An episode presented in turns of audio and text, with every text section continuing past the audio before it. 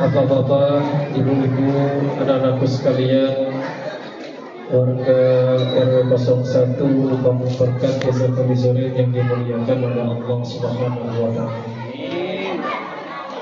Puji dan syukur marilah kita panjatkan kehadirat Allah berkat rahmat, hidayah, hidayah dan izin dari Allah Subhanahu wa taala.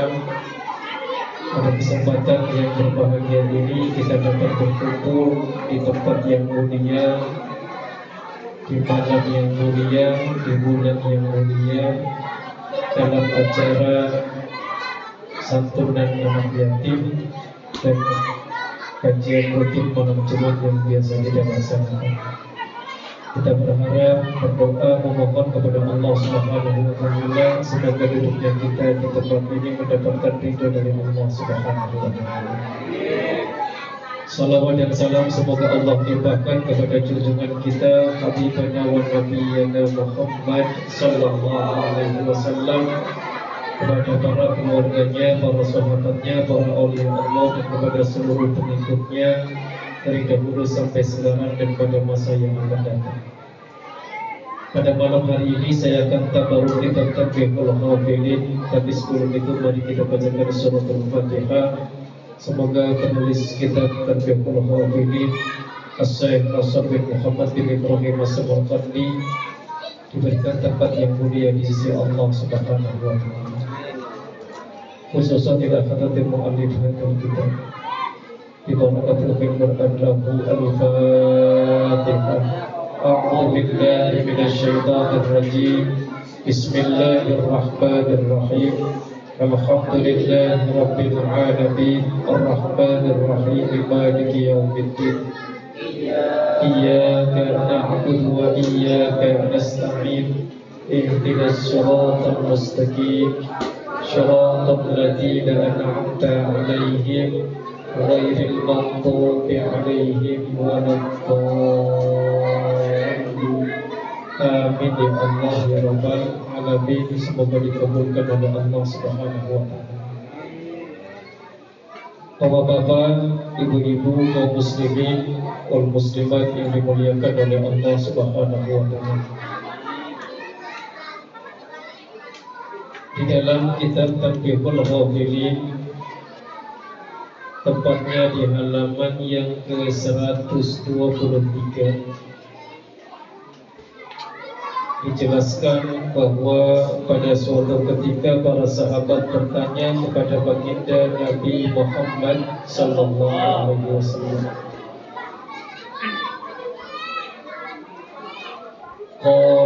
Ya Rasulullah. Para sahabat bertanya Ya Rasulullah Wahai Rasulullah Laqad faddalallahu yawma ashura an kulli sa'iril ayyam Sungguh Allah subhanahu wa ta'ala telah memuliakan hari Ashura di atas hari-hari yang lain. Qala lalu baginda Nabi Muhammad sallallahu alaihi wasallam menjawab, "Na'am." Ya. Jadi Allah Subhanahu wa taala memuliakan hari Asyura dibandingkan dengan hari-hari yang lain. Dan kita bersyukur kepada Allah Subhanahu wa taala pada malam hari ini kita dapat berjumpa dengan hari Asyura itu. Hari Ashura itu artinya adalah hari yang ke-10 di dalam bulan Muharram. Dan malam ini merupakan hari yang ke-10 di dalam bulan Muharram kita berharap berdoa memohon kepada Allah Subhanahu wa taala semoga di bulan Muharram ini Allah jadikan kita semua orang-orang yang semakin meningkat ibadahnya kepada Allah Subhanahu wa taala. Amin ya Allah ya rabbal alamin.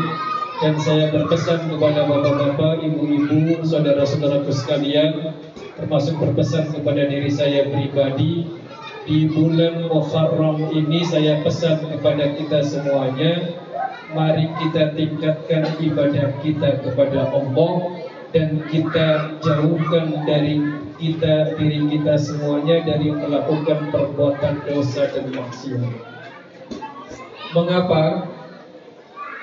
Karena perbuatan dosa yang dilakukan di dalam bulan Muharram itu siksanya lebih berat dibandingkan dengan siksa dosa di bulan-bulan selain Muharram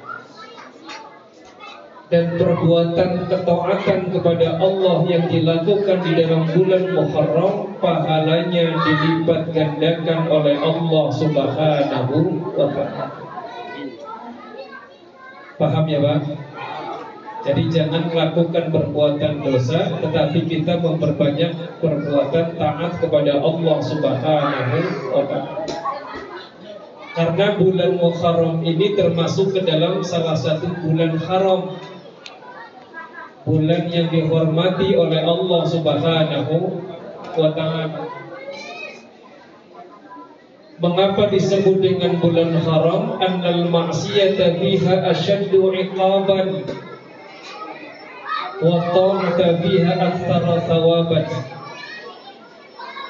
Jadi mengapa Muharram disebut sebagai bulan haram?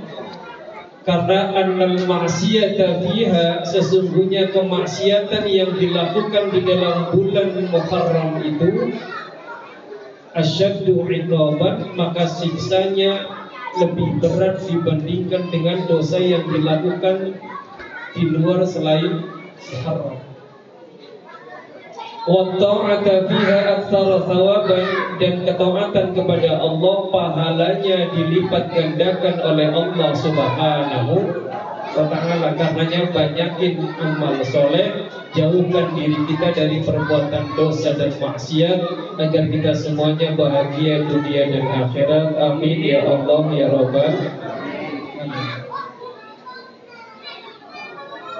Ibu. Bu Pak masih kuat dengerin Panitia selesai jam berapa nih? Katanya udah makan segala tapi. Dikit lagi ya Pak. Di dalam bulan Muharram itu telah terjadi berbagai macam peristiwa besar. Kata baginda Nabi, "Khalaqallahu ta'ala samawati wal ardina yawma Asyura." Allah ciptakan langit dan bumi itu pada tanggal 10 bulan Muharram. Wa khalaqal jibala yawma Asyura. Allah ciptakan gunung juga pada tanggal 10 bulan Muharram. Wa khalaqal bahra yawma Asyura. Allah ciptakan lautan juga tanggal 10 bulan Muharram langit, bumi, gunung, lautan diciptakannya tanggal 10 bulan Muharram. Berarti ini hari ulang tahunnya mereka. Hari ulang tahunnya langit, hari ulang tahunnya bumi. Makanya di kampung kita biasa ada yang namanya sedekah bumi. Di sini ada nggak, Bu? Jangan sampai nggak dilaksanakan karena ulang tahunnya langit hari ini ulang tahunnya bumi, hari ini ulang tahunnya gunung, hari ini ulang tahunnya lautan, hari ini berdoa mohon kepada Allah semoga yang Allah turunkan dari langit mendatangkan keberkahan. Semoga yang Allah keluarkan dari bumi juga mendatangkan keberkahan. Semoga gunung-gunung yang ada di sekitar kita juga jangan sampai meletus. Semoga lautan juga jangan sampai naik lagi jadi jadi tsunami. Banyak kita mohon kepada Allah mudah-mudahan semuanya diberikan keberkahan oleh Allah Subhanahu. Kenapa? Karena sekarang ini kita sudah berada di akhir zaman. Ya Pak ya, Ibu, kita sudah berada di mana? Di akhir zaman. Makanya saya pesan Kalau sudah akhir zaman Saya pesan kepada bapak-bapak dan ibu-ibu semuanya Persiapkan bekal sebanyak-banyaknya. Kenapa? Karena nanti di akhir zaman itu Banyak orang yang mati mendadak. Ini dengerin baik-baik. Saya nggak ngada-ngada Salah satu ciri di antara akhir zaman itu adalah ayat tural mautul hujaat kata baginda Nabi. engkau akan menyaksikan banyak kematian terjadi secara mendadak. Kalau kematian terjadi secara mendadak, kalau dia ahli ibadah enak, betul nggak pak? Tapi kalau kematian mendadak tiba-tiba menyerang kepada orang yang ahli maksiat, kira-kira gimana? Kira-kira gimana? Makanya kita berdoa mohon kepada Allah mudah-mudahan nih di tahun baru Hijriah ini Allah jadikan kita semua orang-orang yang rajin ibadah kepada Allah. Yang masih belum mau ibadah kita doakan mudah-mudahan Allah bukakan pintu hatinya sehingga menjadi orang yang rajin ibadah kepada Allah. Biar kita semuanya mati dalam keadaan husnul khatimah. Kalau kita sudah biasa ibadah mau dipanggil Allah kapan pun terserah. Yang penting kita sudah siap. Amin ya Allah ya Rabbal Jadi ulang sekali lagi, ini hari ulang tahun apa Bu? Ini apa lagi? Apa lagi? Apa lagi? Apa lagi? Bumi, langit, gunung, lautan, ulang tahun semuanya. Makanya banyakin doa kepada Allah mudah-mudahan semuanya mendatangkan kebaikan untuk kita. Kemudian pada waktu tanggal 10 Muharram juga wa ukhriqa fir'aun yauma asyura wa ukhriqa fir'aun ditenggelamkan Fir'aun oleh Allah Subhanahu wa taala ditenggelamkan di dalam dasar laut itu juga terjadi pada tanggal 10 bulan Muharram dimenangkan Nabi Musa alaihi salam atas kesewenang-wenangan dan kezaliman Fir'aun terjadi pada tanggal 10 bulan Muharram. Karenanya semua orang Yahudi berpuasa setiap tanggal 10 Muharram sebagai tanda syukur atas dimenangkannya baginda Nabi Musa alaihi salam dari Firaun dan kita umat Islam juga dianjurkan oleh baginda Nabi Muhammad sallallahu alaihi wasallam agar setiap tanggal 10 itu kita melakukan puasa Asyura. Puasa apa, Bu? Puasa apa? Berarti besok pagi ya. Sebelum datang perintah puasa Ramadan, perintah Asyura itu diwajibkan oleh baginda Nabi Muhammad. Kata baginda Nabi di dalam kitab Tabil Ghafilin menjelaskan kepada kita, ini kuntu umirtu bisawmi yaumi Asyura. Sungguh dulu aku memerintahkan kepada kalian untuk melakukan puasa di dalam bulan Asyura. Maksudnya di hari Asyura di tanggal 10 bulan Muharram.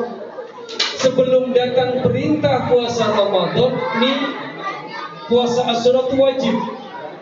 Tapi begitu datang perintah puasa Ramadan, puasa Asyura itu hukumnya berubah menjadi sunnah karena baginda Nabi Muhammad bersabda, "Faman syaa'a wa man syaa'a taraka." Siapa yang mau puasa silakan berpuasa. Siapa yang tidak mau berpuasa juga silakan. Artinya yang tadinya puasa Ashura wajib berubah hukumnya menjadi sunnah. Ini biar Bapak tahu sejarah. Makanya diusahakan kita puasa. Paham ya Pak? Berarti besok pagi ada yang bertanya kepada saya Ustaz bagaimana kalau puasanya terjadi pada hari Jumat? Bukankah katanya Nabi melarang puasa di hari Jumat? Ini Bapak jangan sampai salah pemahaman. Orang yang mengatakan Nabi melarang puasa di hari Jumat itu Biasanya baca hadisnya nggak selesai. Ini dengerin baik-baik di dalam sebuah hadis yang diriwayatkan oleh Imam Bukhari Kata baginda Nabi Muhammad sallallahu alaihi wasallam la yasumanna ahadakum jum'ah Janganlah kalian salah seorang di antara kalian melakukan ibadah puasa di hari Jumat. Tapi hadisnya belum selesai. Jangan titik. Karena hadisnya masih ada lanjutan. Illa, nih ada harfu istisna. Ini yang kadang para ustazah, para ustaz nggak baca. Jadi pada salah memahami hadis Padahal hadisnya belum selesai Ulang sekali lagi La yasumanna ahadakum yaumal jum'at Janganlah salah seorang di antara kamu melakukan ibadah puasa di hari Jumat Illa kecuali Yauman qoblahu Bapak atau ibu puasa satu hari sebelumnya Au ba'dahu atau satu hari sesudahnya Kesimpulan hadis ini boleh berpuasa di hari Jumat tapi ditemenin kalau nggak ditemenin hari Kamis ditemenin juga hari Sabtu. Jadi gini hari Kamis kemarin puasa Jumatnya puasa boleh apa enggak? Boleh. Atau Kamis kemarin nggak puasa Jumat besok puasa Sabtunya puasa. Jadi boleh nggak puasa di hari Jumat? Boleh asalkan ada temannya sehari sebelumnya atau sehari sesudahnya. Jangan suka motong-motong hadis. Ini saya pesan. Saya sering dengar masalahnya. Banyak para ustaz, banyak para ustazah yang suka motong-motong hadis. Makanya kalau baca hadis yang lengkap, yang sempurna. Biar tidak salah memahami, biar umat jangan dibikin bingung. Saya tanya sekali lagi, boleh nggak puasa di hari Jumat? Boleh. Bagaimana caranya? Temenin, temenin hari apa? Hari Kamis, hari Kamisnya puasa, Jumatnya puasa. Atau kalau Kamisnya nggak puasa, Jumatnya puasa, Sabtunya puasa. Yang penting yang tidak boleh itu Jumat sendirian. Karena kalau puasanya cuma hari Jumat saja, hukumnya makruh. Hukumnya apa? Makruh itu artinya larangan tidak keras. Jadi saya pesan kepada Bapak kalau besok mau puasa silakan. Karena kebetulan jatuhnya juga di hari Jumat. Mudah-mudahan kita semua bisa melaksanakan puasa 10 Muharram atau biasa dikenal dengan puasa Ashura. Niatnya ikuti saya Pak Bismillahirrahmanirrahim. Bismillahirrahmanirrahim. Nawaitu Sawma Ashura Sunnatan Lillahi ta'ala. Sekali lagi Nawaitu Sawma Ashura Sunnatan Lillahi ta'ala. Apa fadilahnya apa fadilahnya kita melakukan puasa Rasulullah? Su'ila Rasulullah sallallahu alaihi wasallam an siyami yaumi Asyura. Baginda Nabi Muhammad ditanya tentang puasa pada hari Asyura pada tanggal 10 bulan Muharram. Lalu baginda Nabi Muhammad menjawab faqala yukaffiru sanatal madiyah. Puasa Asyura itu puasa tanggal 10 Muharram akan menghapus dosa-dosa setahun yang lalu. Dan sekali lagi, puasa Asyura pemanfaatnya menghapus dosa setahun yang lalu. Jadi kalau bapak merasa banyak dosa, besok puasa. Kalau merasa nggak banyak dosanya mau puasa, puasa aja karena nurun ala nurin cahaya di atas cahaya. Paham ya Pak? Bagaimana niatnya bersama-sama?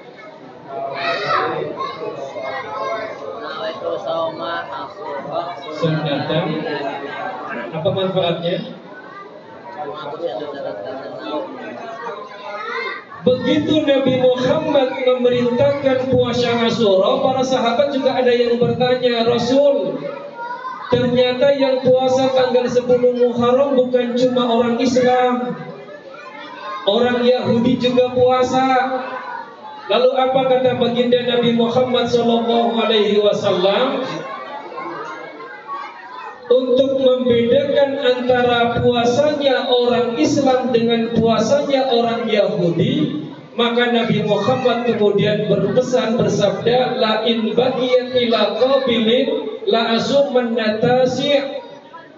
Jikalau sekiranya tahun depan aku masih hidup diberikan panjang umur oleh Allah Subhanahu wa taala, maka aku akan berpuasa pada tanggal 9 Muharram yang disebut dengan puasa Tasu'a. Puasa apa? Tasu'a. Tasu'a. Jadi tadi ini hari Kamis tadi itu puasa Tasu'a. Puasa tanggal 9 Muharram fungsinya adalah untuk membedakan antara puasanya orang Yahudi dengan puasanya orang Islam. Makanya kalau kita mau ngikutin baginda Nabi Muhammad Shallallahu Alaihi Wasallam tanggal 9-nya puasa, tanggal 10-nya puasa, biar puasanya tidak sama dengan puasanya orang-orang Yahudi. Tetapi belum sampai di tahun yang akan datang ternyata baginda Nabi Muhammad keburu meninggal.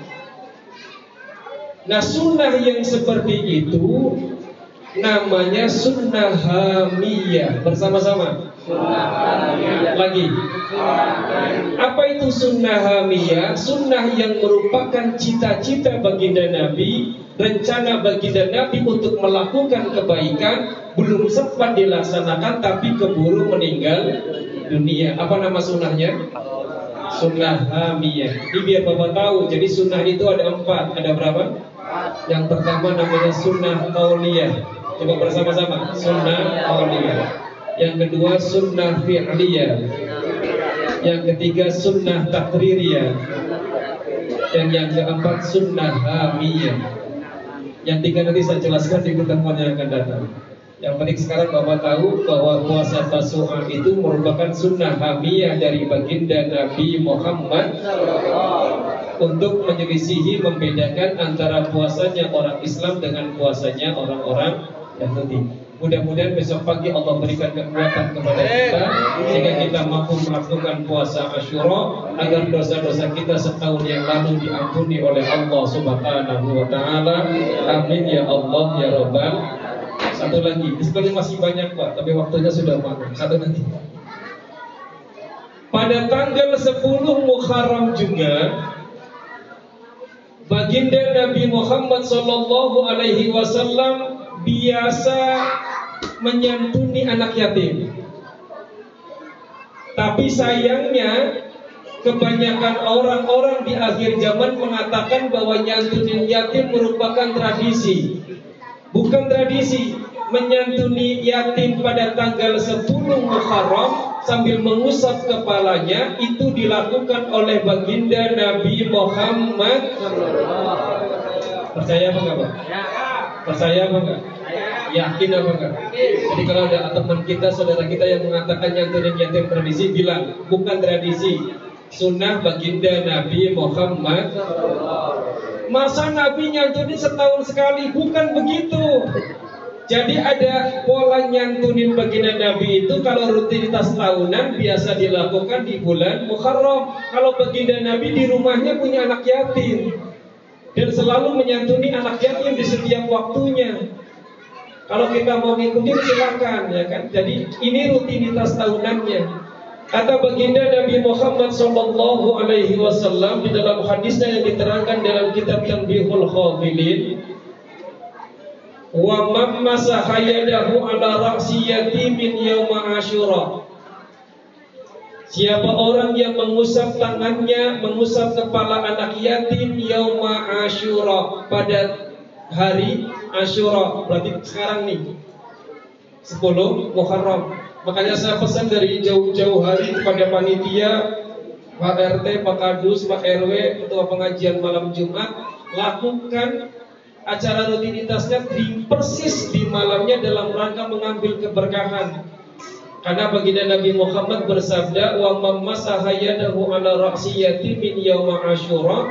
Siapa orang yang mengusap yang tangannya mengusap kepala anak yatim pada hari Asyura tanggal 10 Muharram maka jaminannya rafa Allah taala lahu bi kulli syahratin darajat maka Allah akan mengangkat orang yang mengusap kepala anak yatim dari setiap rambut yang tersentuh oleh tangannya satu derajat.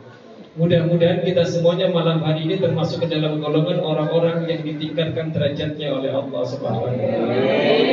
Yang ikhlas ya, Pak. Usap kepala anak yatim dengan penuh keikhlasan sambil doakan kepada Allah mudah-mudahan menjadi anak yatim yang soleh dan solehah yang berguna untuk keluarga, masyarakat, bangsa dan agama menjadi anak-anak yatim yang berbakti kepada orang tuanya baik yang masih hidup maupun yang sudah meninggal dunia. Yang punya anak yatim saya juga pesan kepada ibu-ibu semuanya jaga anak yatim dengan sebaik-baiknya. Karena emang anak yatim biasanya bandel bu. Ya Bu ya? ya. Anak ibu bandel apa enggak? Ya. Kalau enggak bandel alhamdulillah.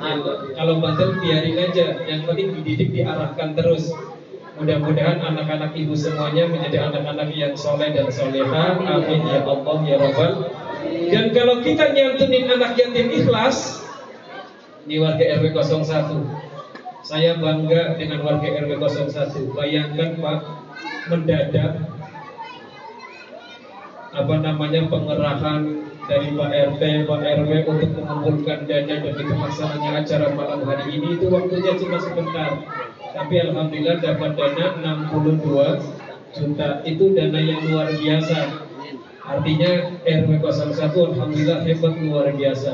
Mudah-mudahan bapak-bapak, ibu-ibu semuanya yang telah berinfak di jalan Allah Subhanahu wa taala diberikan keberkahan dalam rezekinya infak yang sudah dikeluarkan akan menjadi penolong dan penyelamat nanti di yaumil kiamah. Amin ya Allah ya Rabbal dan menjadikan kita semua menjadi orang-orang yang dekat dengan Rasulullah Muhammad. Saya sering ngomong gini nih Pak, saya nggak bosan nyampein hadis ini. Kata baginda Nabi, Ana waka bilul yatimi fil jannati hakada. Aku dengan orang yang nyantunin anak yatim itu nanti berada di surganya Allah Subhanahu wa taala hakada seperti ini wa asyara bisababati wal sambil mengisyaratkan dengan sababa jari telunjuk wal dan jari tengah wa farraja bainahum syai'a direndangkan sedikit jadi orang yang nyantumin anak yatim itu berada di surganya Allah dekat dengan Rasulullah Muhammad Sallallahu Alaihi Wasallam seperti dekatnya jari telunjuk dengan jari tengah. Mudah-mudahan kita mendapatkan ini semuanya. Amin ya Allah ya Rabbal. Dan kalau kita nyantumin anak yatim dan menganjurkan memberi makan kepada orang miskin, maka kita tidak akan diponis oleh Allah sebagai pendusta agama. Kalau ada di antara kita orang yang mengaku beriman kepada Allah tapi nggak peduli dengan anak yatim, nggak peduli dengan orang-orang miskin, nggak pernah menganjurkan memberi makan kepada orang miskin, khawatirnya terkena ayat Allah aro'aitalladzi yukadzibu biddin. Bersama-sama. Sekali lagi yang ikhlas. Aro'aita tahukah kamu alladhi orang yang yukadzibu biddin mendustakan agama? Orang yang mendustakan agama kata Allah ditanyakan kepada kita. Pertanyaannya retoris gak perlu jawaban.